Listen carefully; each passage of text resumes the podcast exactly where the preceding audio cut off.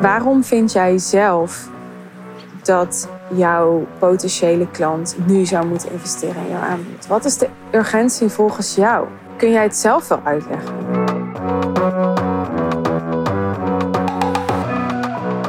Met wat achtergrondgeluid van buiten een nieuwe aflevering voor je. Speciaal voor jou, wanneer je regelmatig of af en toe in salesgesprekken hoort dat de pijn van jouw potentiële klant nog niet groot genoeg is om ja te zeggen. Toen ik uh, vroeg om vraagstukken die jij als ondernemer had op Instagram. Niet vraagstukken die jij hebt op Instagram, maar toen ik op Instagram vroeg om vraagstukken. Toen uh, vroeg iemand aan mij: kun je een aflevering maken over wat je te doen hebt als je salesgesprekken hebt met je doelgroep en degene die je spreekt is wel getriggerd, maar ja, geeft aan dat er te weinig pijn of te weinig urgentie is om niet te investeren.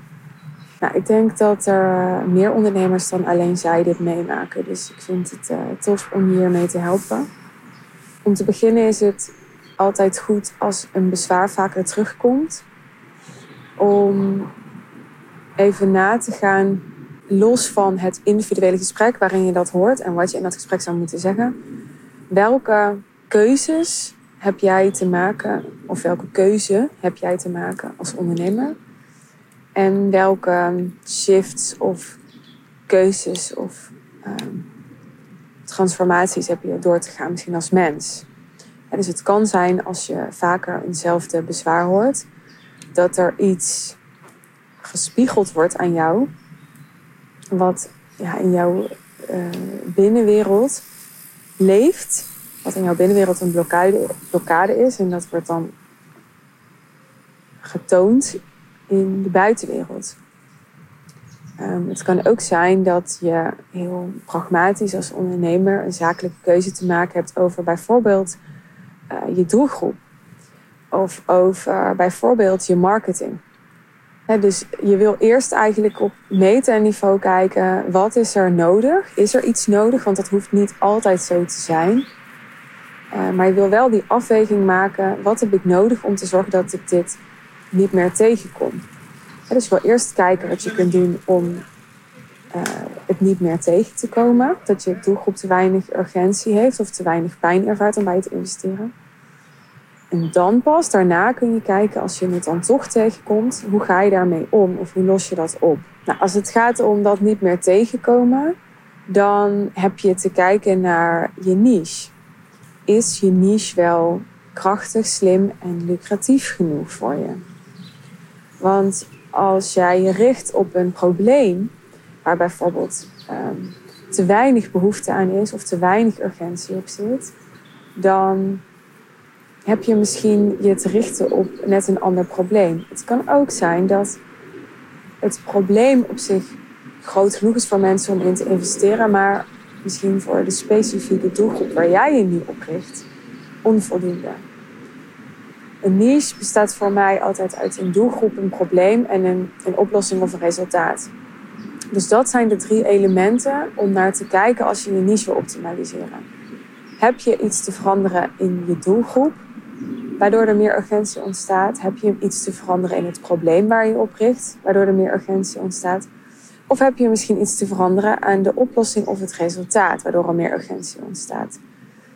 Um, dat laatste kan ook nog. Hoe dan? Nou, als jij de oplossing of het resultaat uh, veel interessanter maakt, of je maakt duidelijk dat jouw oplossing bijvoorbeeld veel sneller werkt dan een alternatieve oplossing waar je doelgroep ook voor zou kunnen kiezen, dan zal je potentiële klant uh, meer urgentie voelen, of dan kan je potentiële klant meer urgentie voelen, omdat ze bijvoorbeeld voelen, ja, hoe langer ik dit uitstel, hoe meer uh, tijd en geld ik verlies. Want als het resultaat dat ze met jou kunnen bereiken uh, sneller bereikt kan worden, of dat het resultaat veel groter kan zijn, dan kost over het algemeen de tijd dat ze dat resultaat of die oplossing nog niet hebben, uh, tijd, geld of uh, geluk, zingeving, vervulling, wat het dan ook maar oplevert dat je doet met je klanten. Dat is het, het pragmatische stukje. hè, waar jij als ondernemer naar kunt kijken.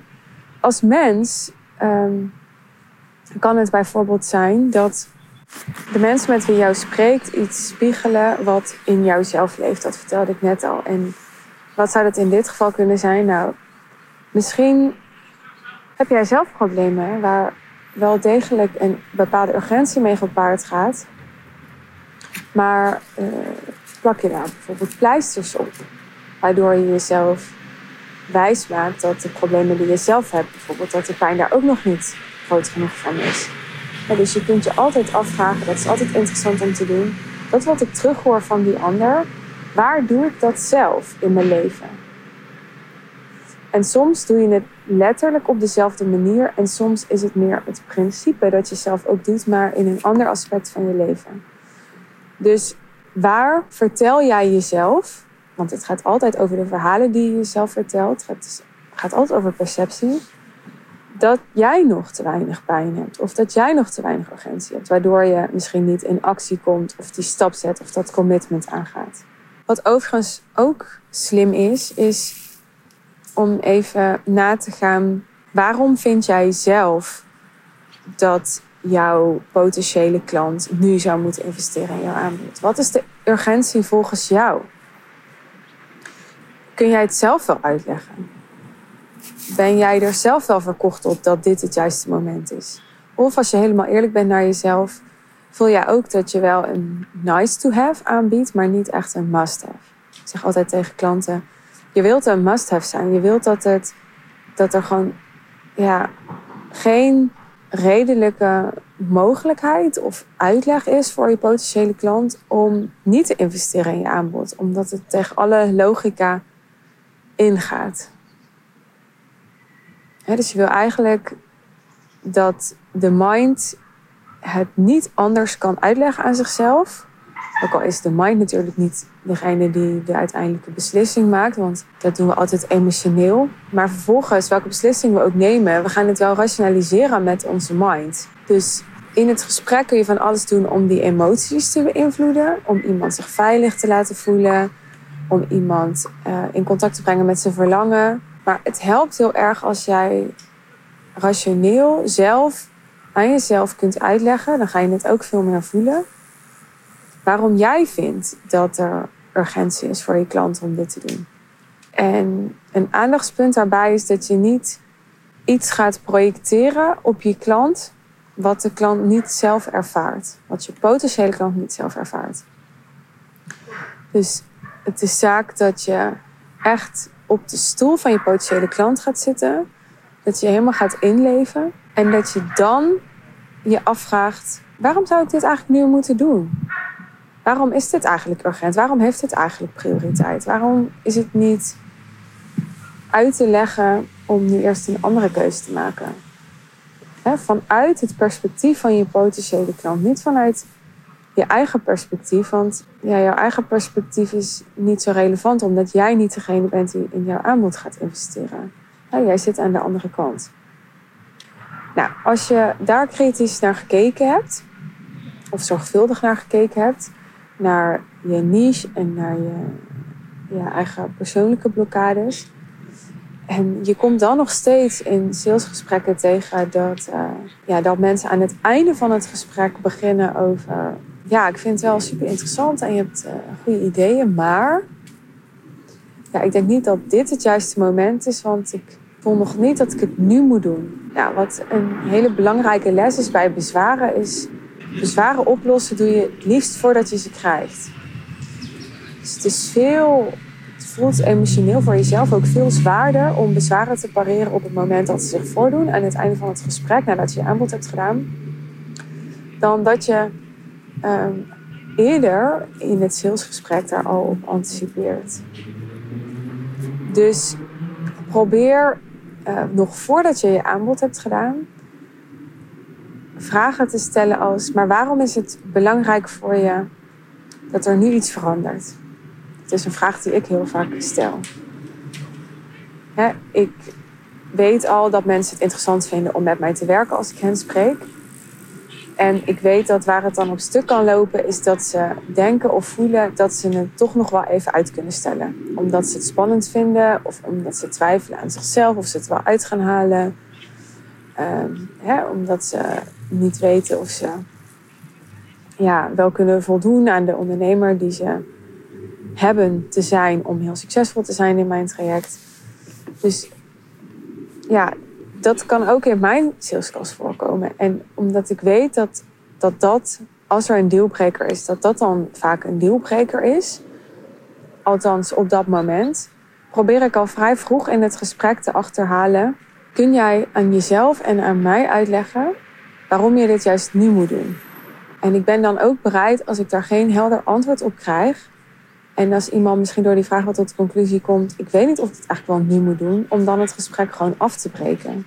Omdat ik denk dat om je te committeren aan een grote transformatie en om een grote investering te doen, die je stretcht, belangrijk is dat je kunt voelen waarom je dat nu wilt. En je hoeft het misschien niet rationeel uit te leggen. Maar dat gaan mensen toch wel doen, want ze gaan hun gevoel altijd rationaliseren. Maar ik vind het vooral belangrijk dat, dat mensen dat voelen voor zichzelf. dus ik stel die vraag en of ze dan zeggen, ja, dat is wat ik voel. Of dat ze daar een rationele uitleg bij geven. Het moet mij ervan overtuigen dat of dat gevoel of dat verhaal wat ze zichzelf vertellen, of allebei hem of haar de urgentie geeft om nu ja te gaan zeggen. Dus dat, is, uh, dat zijn mijn belangrijkste tips en adviezen voor je.